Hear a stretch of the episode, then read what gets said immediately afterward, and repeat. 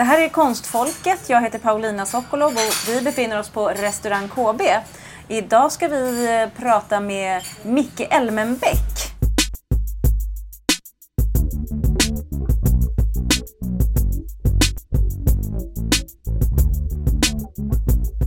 Vi sitter här på restaurang KB. Det är alltid lika kul att se dig Jonas Klerup. Tack samma Paulina. Ebba träffar jag ju varje dag på jobbet. Mm, hej hej. Eh, och extra välkommen till dig Micke Elmenbäck. Vi har ju pratat om dig i den här podden förut. Vi brukar prata om dig lite då och då faktiskt. Jättemycket utanför podden också. Jättemycket utanför podden. Vi, bra. vi har en sån här dagens Micke Elmenbäck. Nej, det har vi faktiskt inte. Nej, men det finns ju en anledning till varför du är här. Eh, så extra välkommen.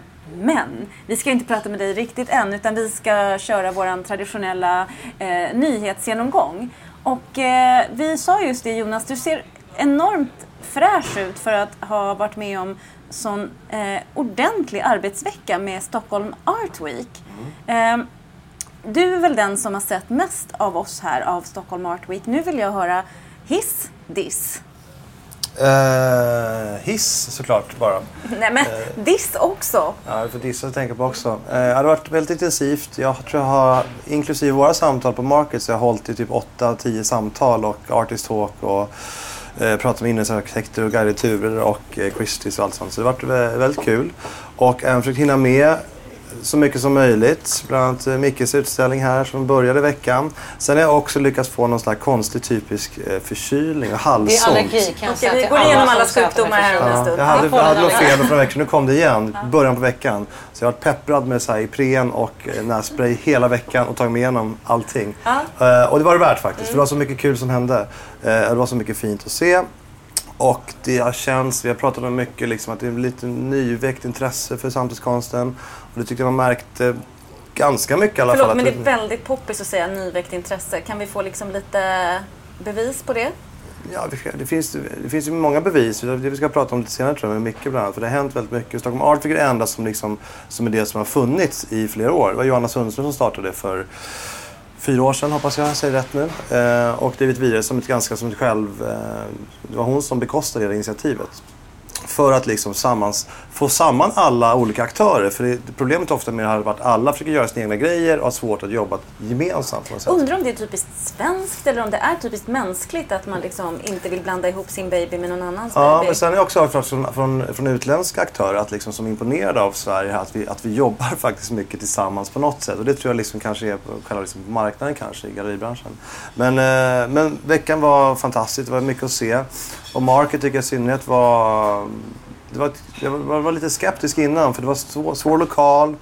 En ny grafisk form som de flesta klagade på. Men jag tycker i slutändan så liksom så... Ja, det såg ut som en bensinmack. Alltså inte för att jag på något vis är någon expert på grafisk formgivning. Men Nej. ja. Men jag tycker man Spelar roll. Få... Det är viktigt att produkten är viktig faktiskt. Ja, och från den här byggnadsarbetsplatsen det faktiskt var. När man såg, man kom utanför där på en bakgata. Jag tror att halva konstnären skulle bli överkörda bara att liksom springa ut där mitt i vägen. Men eh, man lyckades faktiskt få det väldigt fint och alla utländska gallerister verkar väldigt nöjda. Och det var väldigt luftig mässa. Väldigt... Man kom ifrån det här båstänkandet.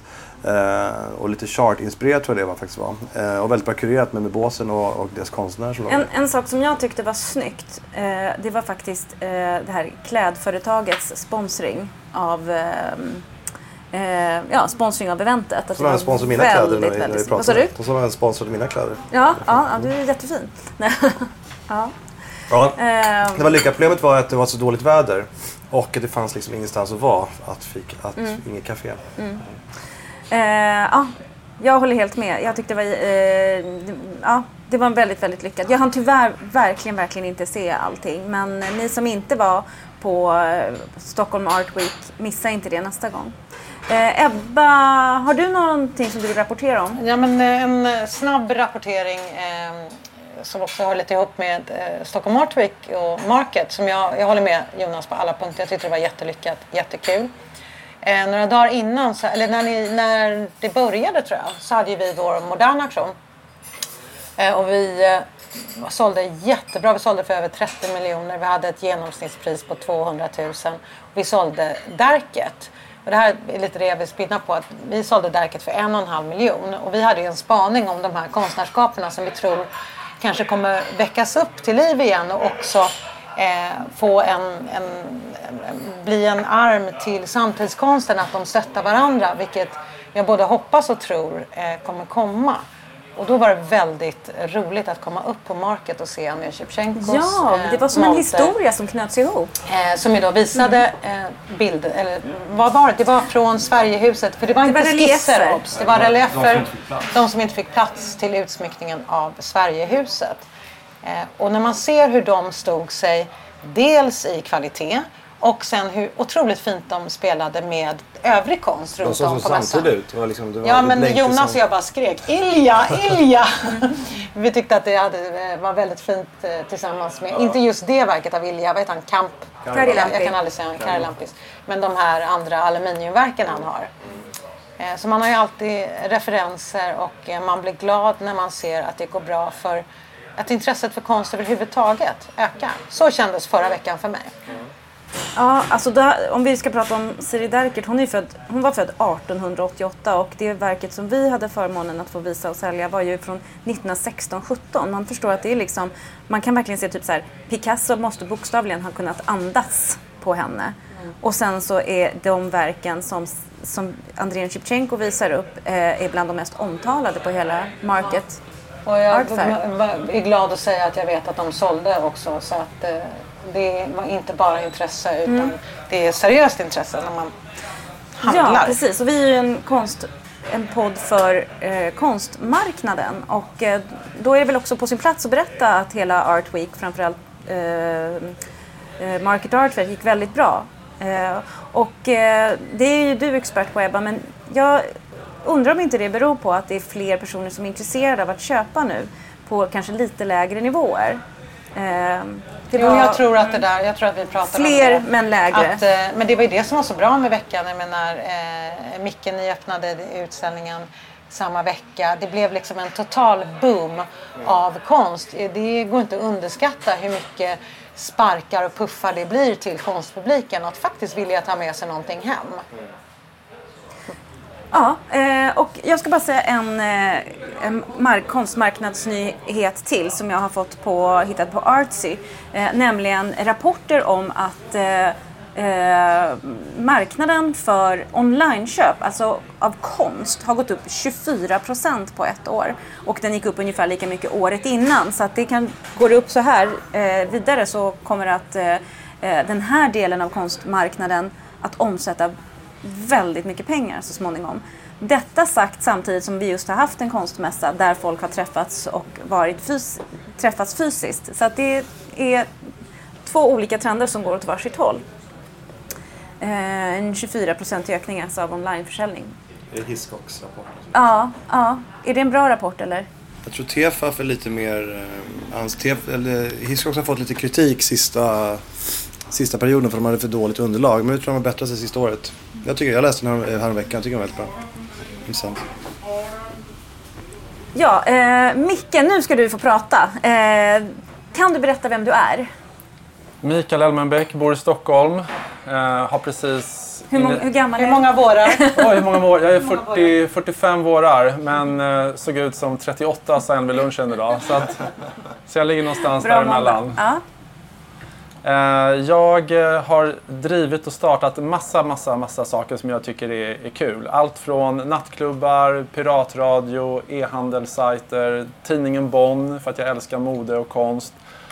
Var med och grundade C-fil och har precis initierat och eh, varit med och drivit en modeutställning, eller en konstutställning. Eh, på Sven Harris som heter Swedish Art Now. Som eh, faktiskt eh, fick idén för exakt ett år sedan. Efter jag var på Market just för ett år sedan. Och eh, jag var där med dåvarande amerikanska ambassadörsparet Mark och Natalia Brzezinski.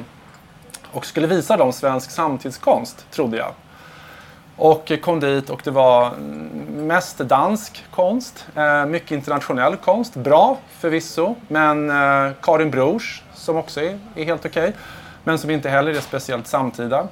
Och eh, vi tog en taxi, eller en, ja, en Säpo-bil upp till eh, Hudiksvallsgatan efteråt och skulle kolla lite svensk samtidskonst Ni där. hittar inget? Hittade ingenting. Eh, så då, då, Då fick vi gå hem till dig. då, Ja, men då kände jag att... Eh, Men du hade inte städat så ni kunde inte gå hem till dig? Nej. Vi gick inte hem till mig, men vi, vi kunde ha gjort det. Men, eh, nej, men och då, då kände jag det jag hade känt under rätt lång tid att det finns så otroligt mycket spännande eh, samtidskonst i Sverige och hur svårt det är att, eh, att hitta den. Och det jag... Och ni hittar den inte på Moderna Museet heller? Eh, inte jättemycket, nej, tyvärr. Och, Det är inte så bra. nej, och inte på, Tecken. inte på Bonniers just då och inte på Magasin 3 heller. Eh, det finns mycket bra modernt, det finns väldigt mycket bra internationellt. Eh, men just den här svenska samtidskonsten som, som, som jag tyckte att det bubblade extra mycket kring, eh, den var svår att hitta. Gud så intressant. Vilken intressant spaning ändå. Ja. Och det var inte så mycket en spaning, utan det var mer som ett behov som inte kunde tillfredsställas. På exakt samma sätt som jag tyckte om housemusik, det fanns ingen houseklubb. Hur gör man då? Man startar en klubb. Det finns jättemycket bra svenskt mode, det finns ingenstans att hitta det. Ja, men vi startar en modevecka. Någon måste göra det, ta initiativet. Och så måste man få massa människor som vill engagera sig och hjälpa till. För ofta finns det inga pengar och inga resurser när man, när man vill göra någonting från, från scratch. Um, och samma sak var det här. För att kunna göra en, en utställning som Swedish Art Now så måste man ju få med sig gallerierna, konstnärerna, kanske hitta en mediapartner eller tio helst. Um, och sen skapa den här gemensamma plattformen som förhoppningsvis då skulle göra att man, man skulle kunna få ut alla de här bra konstnärerna som finns. Hade ni bestämt eh, Sven Harris från början? Eller var det utställningen först eh, och Sven Harris sen? Ja, men eller kom det ungefär samtidigt? Jag hade gjort en utställning för två år sedan som, som skulle visa upp den svenska modescenen. Och där, och där var det omvända problemet, att alla känner till mode, men ingen känner till att det görs väldigt mycket konstnärligt eh, mode, eller mode med en högre kvalitetshöjd. Så då handlar det om att sätta det i ett, icke-kommersiellt sammanhang. Och i det här fallet var det nästan det omvända, att det finns ju massa konst men som ingen uppmärksammar, alltså svensk samtidskonst. Eh, och orsakerna är flera. Eh, så att lokalen kunde egentligen ha varit var som helst. Utan det var mer problemet som var att det fanns ingenstans idag att hitta det. Eh, som var orsaken. Det är lite konstigt ändå att det finns massa intressanta konstnärer och en konstboom men ingenstans där man kan se det egentligen. Nej, och orsakerna är ju flera. Men, men, eh, och jag trodde kanske i min naivitet att, det- att det var enbart eh, alla andra det var fel på. Men när man väl satte igång med att göra researchen och arbetet för att få till utställningen så märker man att det ligger ju också väldigt mycket i att gallerister, konstnärer, folk som jobbar inom, inom finkulturen inte är antingen speciellt intresserade eller speciellt vana att behöva tänka eh, kommersiellt eller behöva tänka kommunikation, PR, eh, våga vilja samarbeta. Och eh, det var lite samma problem även med, med svenskt mode för tio år sedan innan det fanns en modevecka. Då satt Roland Hjort eh, på sin kammare och Jonny satt på sin kammare på Acne och eh, ingen ville dela med sig av sina kunskaper eller kontakter. Och efter mycket om och men så gjorde vi en modevecka och då när det var 30 stycken designers som visade Stockholm under två dagar, ja, men då kom omvärlden och då kom intresset även från, från Sverige. Och det var lite grundidén med, med eh, Swedish Art Now, att istället för att visa kanske fem konstnärer eller visa tio, utan ja, men nu, nu, nu tar vi ordentligt, nu visar vi 40 stycken. Um, och så försöker vi visa de som inte visas i Sverige heller, för att det finns ju många duktiga svenska konstnärer som som man inte ens känner till som normal kulturintresserad. Nathalie Djurberg, hon visar inte i Sverige på galleri. Klara Ledén visar inte heller. Och flera... Varför gör de inte det? Man behöver inte. Ser- har väl inte De inte poängen med det? Eller? Nej, det finns flera orsaker. Men en kan ju vara just så att de har blivit så pass dyra i pris att de inte tror att det finns en marknad eller att det inte finns något galleri som är tillräckligt bra. Så det är väl en blandning av rädsla, snobbism, men också att kanske ingen har frågat dem. För att Det tror jag. jag, frå- jag, var, ute med, jag var ute med Hans Berg, som är ja, Nathalie Djurberg, och eh, då, då fick han just frågan på pressträffen. Varför visar ni inte för i Sverige? Ja, men vi har ju två bra gallerier och sen är det ingen som har frågat oss heller. Nej, exakt. Så det kan ju också vara att man är rädd för att få nobben. Att det är så enkelt. Här står en skitsnygg tjej alldeles ensam. Ska jag gå fram eller ska jag fega ur? När hon blir kvar ensam. Ja, men lite så. Ingen vågar. Ja. Och, eh, och, sen är det också mycket att många unga konstnärer de pluggar inte längre på Mejan och Konstfack som förr var normen. Utan idag pluggar man i Wien, i London, Berlin, New York. Och så bygger man ett nätverk snabbt där. Man får en internationell gallerist. Ehm, och sen blir man kvar där. Ehm, och det gör också att när det inte finns den här självklara plattformen som skulle kunna vara tidningen Gourmet för mat matintresserade eller L för modeintresserade. När vi inte har en sån tidning så är det väldigt svårt att hålla sig ajour med vad som händer. Varför har vi inte en sån tidning undrar jag? Ja, men det, Ja, men det var ju det vi, pratade om, att det hade man ju gärna velat ha. Mm. Jag tror vi har, vi har både konstvärlden och Artlover har lite olika inriktningar egentligen. Men det finns ingen kanske mellan, någon, någon slags mellanting där som behöver tror jag. Lite, Ja, lite som mer. tar hand om eh, svenska konstnärer. Nej, och om man tar till tidningen Art Lover som exempel, som man kan tro har som ambition att, att berätta vad som händer inom konst Stockholm eller konst-Sverige, så, så hade ju de inget intresse i att skriva en som Swedish Art Now, trots att det var 40 stycken svenska konstnärer. Men Nej, jättemärkligt. ja. varför hade de inte det? Det var inte tillräckligt fint eller Det tillräckligt vet jag inte, utan det, det bara- kanske var ett redaktionellt beslut att det, det fanns inte utrymme. Men man kan ju tycka när det är första gången som någon, vill skri- någon gör en utställning med 40 ledande konstnärer att det här borde ju vara jätteintressant. Lite grann som att ha en landslagsmatch och Ja, så vad man skriver än inte... tycker så är det ju ändå ett, ett initiativ som är... Ja, jag var lite förvånad för jag, jag tänkte att nu kommer de tycka att det här är jättekul och, och, och kanske vilja vara med och dra ett, stå, ett strå för, ja, för konstscenen. I och med att det var ju hela vårt syfte att försöka hjälpa konstnärerna, gallerierna och hela, hela egentligen svenska konstscenen att, att nå ut. Hela syftet var ju att vi har ju tryckt en medvetet billig katalog. Det tänkte jag på när jag satt och läste den här förmiddagen. Gud vad kul att den är eh, så... Alltså, På tabloid. Ja, på tabloid. Och den är gratis, eller hur? Ja. Och den är opretentiös men otro, med otroligt mycket innehåll. Jag gillade Ja. det jättemycket. Ja. Det Möjligheter. behöver inte vara liksom Nej. glossigare än så. Nej, men hela idén var att kunna göra en utställning som är dagsfärsk. Alltså många av verken kom lördag morgon, vernissagen var på tisdagen. Så vi gjorde sista hängningen lördag lunch, plåtade allting under ett dygn och gjorde klart hela tidningen på 36 timmar. Och What? ja. Och Wow. eh, den är alltså tryckt på samma tryckeri som man trycker Expressen. Och kan de göra en dagstidning på ett dygn så kan vi göra en konsttidning tänkte vi. Och så valde vi att göra en supersnygg, jätteglossig men i ett billigt tryckformat. För att konstnärerna ska kunna få 50 stycken ex var och ha som visitkort i princip. Så när man åker utomlands, träffar gallerier, träffar curators eller vem man än nu träffar kan man säga kolla här. Jag var med i den här utställningen för att normalt är en katalog så pass dyr att man får... Tung bära och tung. utomlands. Ja. Så att liksom hela syftet har varit från början att nu ska vi försöka få ut den här svenska fantastiska konstscenen. Bang! Men också nå ut bara i Sverige, just för att det är så många som inte känner till. Vem är Simon Mullan? Eller vem är Nathalie Djurberg till och med? Och precis som eh, Alice Bah, kulturministern, eh, erkände eller vågade berätta den anekdoten eh, så hade jag ju träffat henne några veckor innan eh, och ställt frågan till henne Lite medvetet, provokativt, men kan du lista fem stycken musiker samtidigt? Hon bara Lykkeli, Tove Lo. Fem stycken eh, matkonstnärer, Mattias Dahlgren, bla bla bla. Och sen fem sa- samtida konstnärer.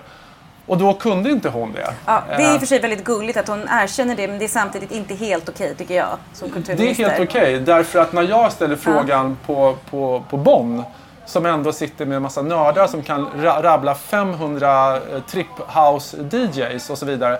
Så är det väldigt svårt med samtidskonst just för att det finns ingenstans där man kan plocka upp den här informationen. Det är lättare att veta att Corey Archangel är en cool amerikansk konstnär för han droppas i rätt kultursammanhang medan det är ingen som refererar på det sättet till svenska konstnärer. Så att Problemet är snarare att vi som vanligt i Sverige har dålig koll och dåligt intresse i att marknadsföra det svenska. Eh, och här känns det som att den här liksom fegheten eller kanske snobbismen som har funnits inom alla andra kreativa uttryck innan, den lever bara kvar inom konstscenen. För att inom mode, inom design, inom mat, teknologi, där vill man samarbeta och man är stolt att vara en del av ja men Acne öppnade dörren, nu kan jag smyga igenom eller Spotify och Klarna gjorde det här, nu kan jag ta rygg på dem. Men inom här så finns det ingen som tar lite den ledarrollen. Och vad, vad, är din, liksom, vad är din konklusion på det här? Vad beror det på att ingen har gjort det och att det inte, att det inte har funnits den, man ska ju kunna kalla det för generositeten tycker jag, mellan varandra.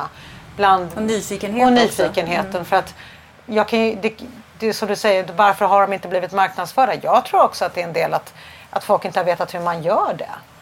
Lite så Eller? är det. Absolut, Alltså- absolut är det så. Men, men också att det finns en, en rädsla för att man ska bli betraktad som kommersiell. Just för att det fortfarande är en så pass stor del av konstscenen som är statligt finansierad. Från utbildning till att man gör offentliga verk och man hoppas mer på att man ska få vara en del av Karolinskas nya flygel eller att man ska få ett internationellt galleri och, och stå på egna ben.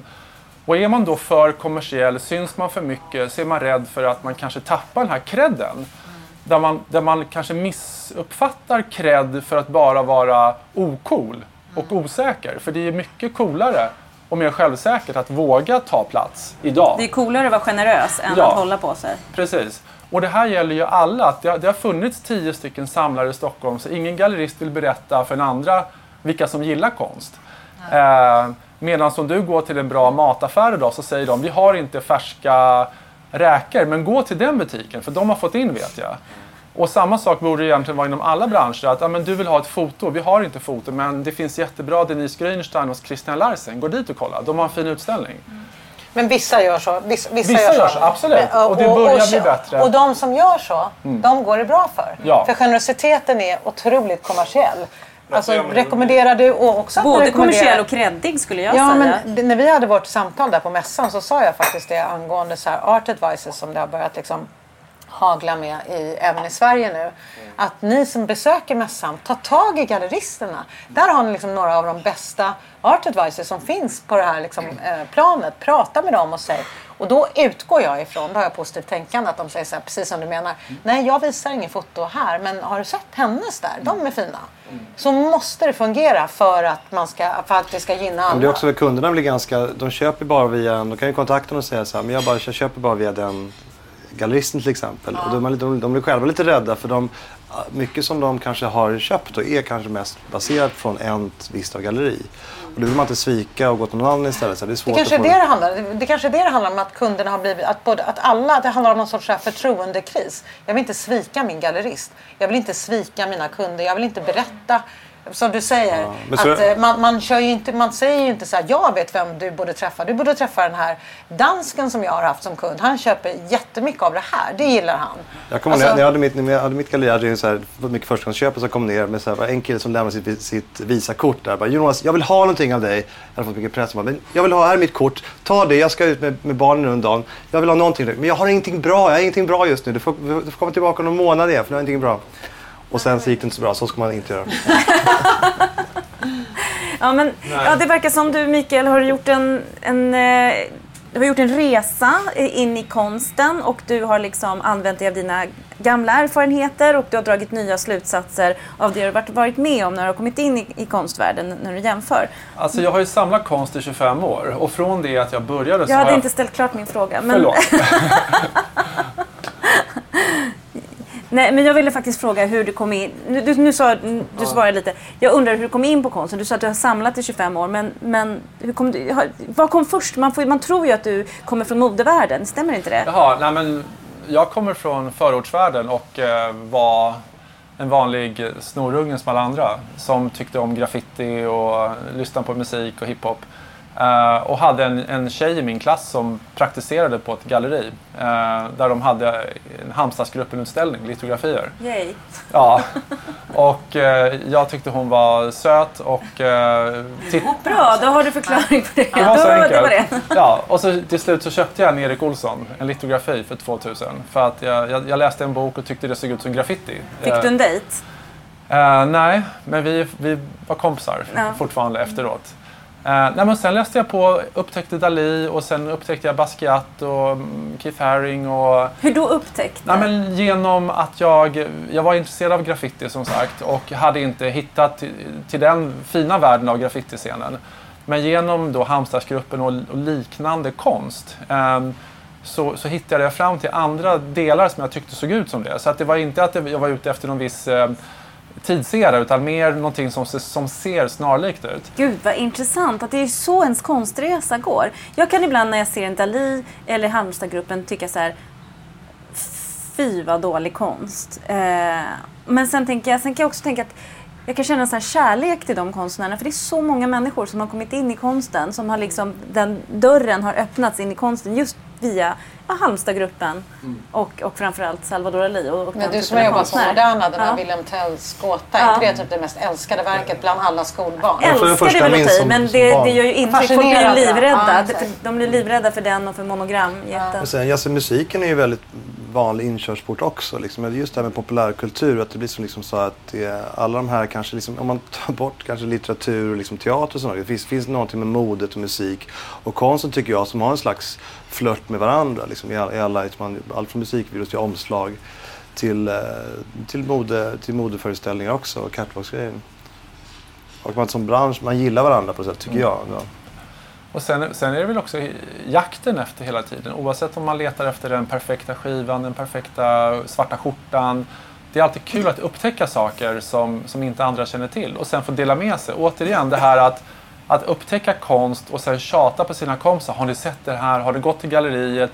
Annika von Hausdorff, jag köpte hennes första när hon stod med tuggummit, eh, uppblåsta tuggummit Början av 90-talet. Ja, och för mig var det lika mycket en, en cool eh, bild som kunde vara i The Face eller ID som, som jag liksom läste slaviskt då.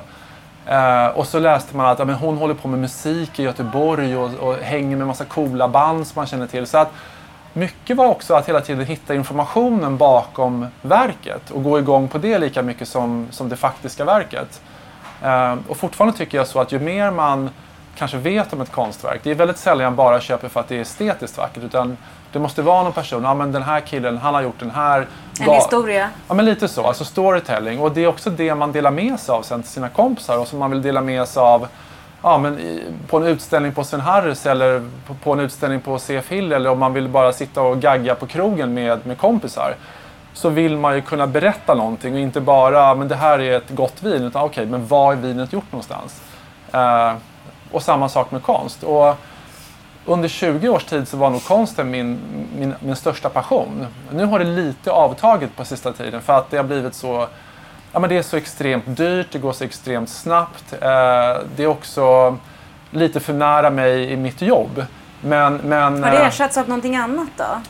Nej men egentligen så är det nog fortfarande att jag älskar konsten ännu mer. Bara att jag har liksom försökt dämpa det lite grann för att inte bli, bli galen eller bli olycklig. Um, men det är ju det är svårt att, att liksom jobba i en godisaffär och, och inte få äta så mycket socker. Ja, men apropå... jag tror också en grej, om du, ju mer du jobbar, det kan jag känna igen, när jag jobbade med konst. Du var omringad av det hela dagarna, jag hängde det hela dagarna, det fanns överallt. Så hemma hade inte jag något behov av att ha konst på väggarna. Och jag kan känna tvärtom nu när jag kanske inte jobbar med lika fysiskt aktivt. Då helt plötsligt vill, är jag mer liksom, vill jag köpa och samla mer. Ja, vi har inte så jättelång tid kvar just nu. Jag var lite nyfiken på, vi pratade också innan du kom, eftersom du var lite sen, eh, att ehm, vi pratade om, om din samling och ditt sätt att samla. Du hade någon reflektion Ja, nej, men jag minns eh, mycket när vi åt lunch ihop med några stycken eh, samlare som var betydligt äldre än vad vi var. En gång på Bukowskis. Och då skulle man prata om hur man hade börjat samla. Och du började, vi började ungefär samtidigt, unga år. Och jag fick ju ett verk av en, när jag jobbade som assistent på ett galleri. Och sen så började jag köpa små saker. Och så, sen sålde ju du hela din samling och började om, eller man ska säga började på nytt. Och då kommer jag ihåg att du fick lite kritik från en äldre människa som sa så här, men vad fasen man köper konst för att behålla det. Och då tyckte jag att det var väldigt vettigt det du sa. Ja men fine, men om man, man får ju annan, man, man kliver ju upp hela tiden och då blir det ofta dyrare. Och om man har oändliga liksom, möjligheter ekonomiskt att köpa så good for you. Men du har väl liksom också lite gjort så att du har finansierat nya konstköp med att då får man ju sälja av några saker, man ändrar sig. Precis. Och eh, dels uppdateras ju smaken men, Ja. men, men framförallt så hittar man ju nya saker. Har man inte då som den här äldre kvinnan som är miljardär eh, då måste man ju ibland sälja av. Och, och även när jag sålde av första gången mycket verk så var det för att vi skulle få barn. Och jag var panikslagen att tänk om all konst blir förstörd. Och sen så fick jag någon så här, ja men lite så... Nybörjare, det är. Nybörjare. Och sen så gick det två månader och sen så var jag igång igen. Och, och, och har köpt mycket, mycket mer sen dess. Men det är ju tyvärr så att Får ibland... jag flika in en fråga då? Var det något konstnärskap som du köpte till, alltså inte samma verk förstår jag, men köpte du mer av ett konstnärskap som du hade sålt bort eller började du bara Helt nytt. Ja, jag gick från att ha mycket Sverige-fokus till att köpa mest internationellt. Ehm, och lite också så när man säljer av mycket vid ett tillfälle så får man ju loss mycket pengar. då kan man ju höja nivån. Att man säljer 100 verk och köper 10 nya och så kan man nästan gånger 10 bättre kvalitet. Det är inte alltid riktigt så, men om man inte som sagt har jättemycket pengar så ibland så är det skönt att få en stor bulk med pengar vid ett tillfälle. Men så det är egentligen kan- två skäl. Det ena är som du säger eh, utrymmesskäl. Om man vill fortsätta samla så måste man Köpa sälja av. Men det andra är väl Mm. också, är inte det är det inte kul att förändra sin samling också i sig? Det Eller hade det- du behållit om du hade haft ett jättestort slott? Det hade, jag nog, det hade jag nog gjort, men då hade jag säkert haft ångest för att jag hade varit på något lager. Men, men det är klart att jag gillar ju samtidskonst. Jag gillar samtida kläder, samtida mat. Jag tycker det är kul att uppdatera mig själv. Det som hände inom samtidskonsten på 87-talet, det känns inte lika relevant. Även om det är fortfarande intressanta verk. Och därför vill jag hela tiden känna att jag är en del av det som händer imorgon helst. Än Fast det, som kanske kommer igår. förändras med din ålder, Micke. Du Ja, det kanske tror jag kommer inte. nej, men jag tänker att som så med Siri Derkert och sånt här, att man, man, vill, man vill vara i nuet men efter ett tag så tycker man om att återknyta. Det, du kanske, jag, bara, jag bara kastar ut, du kanske Mm. Ja, kommer men jag älskade konst. Siri Derkert och, och någonting som jag försöker säga till de som jag rekommenderar konst till, det är att det ska vara tidsbestående. Och om man lyckas göra det, då spelar det ingen roll om det är gjort på 20-talet eller 00-talet. Det, det känns alltid modernt. Ehm, och helst också även ekonomiskt bestående. Kan man kombinera de två delarna, eh, 90% av all samtidskonst skulle jag inte köpa idag just av anledningen att, den känns så otroligt daterad nästan. Det är som, man köper aldrig it-plagget i en kollektion för då vet man att det är det som alla kan se direkt var förra säsongen.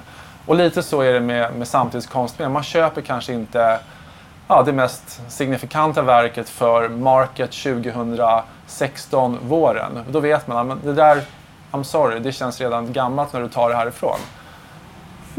Ja, det var en annan syn på konsten. Och det var också den sista frågan. Eh, och, eh, tack så jättemycket Micke. Det var jätteroligt att lyssna på din entusiasm. Eh, härligt att det finns eh, sådana både folkliga och eh, elitistiska krafter samtidigt. Tack. Välkommen åter. Och det här var Konstfolket. Nästa avsnitt kommer den 19 maj och då ska vi få träffa Bonniers konsthalls chef Sara Renius.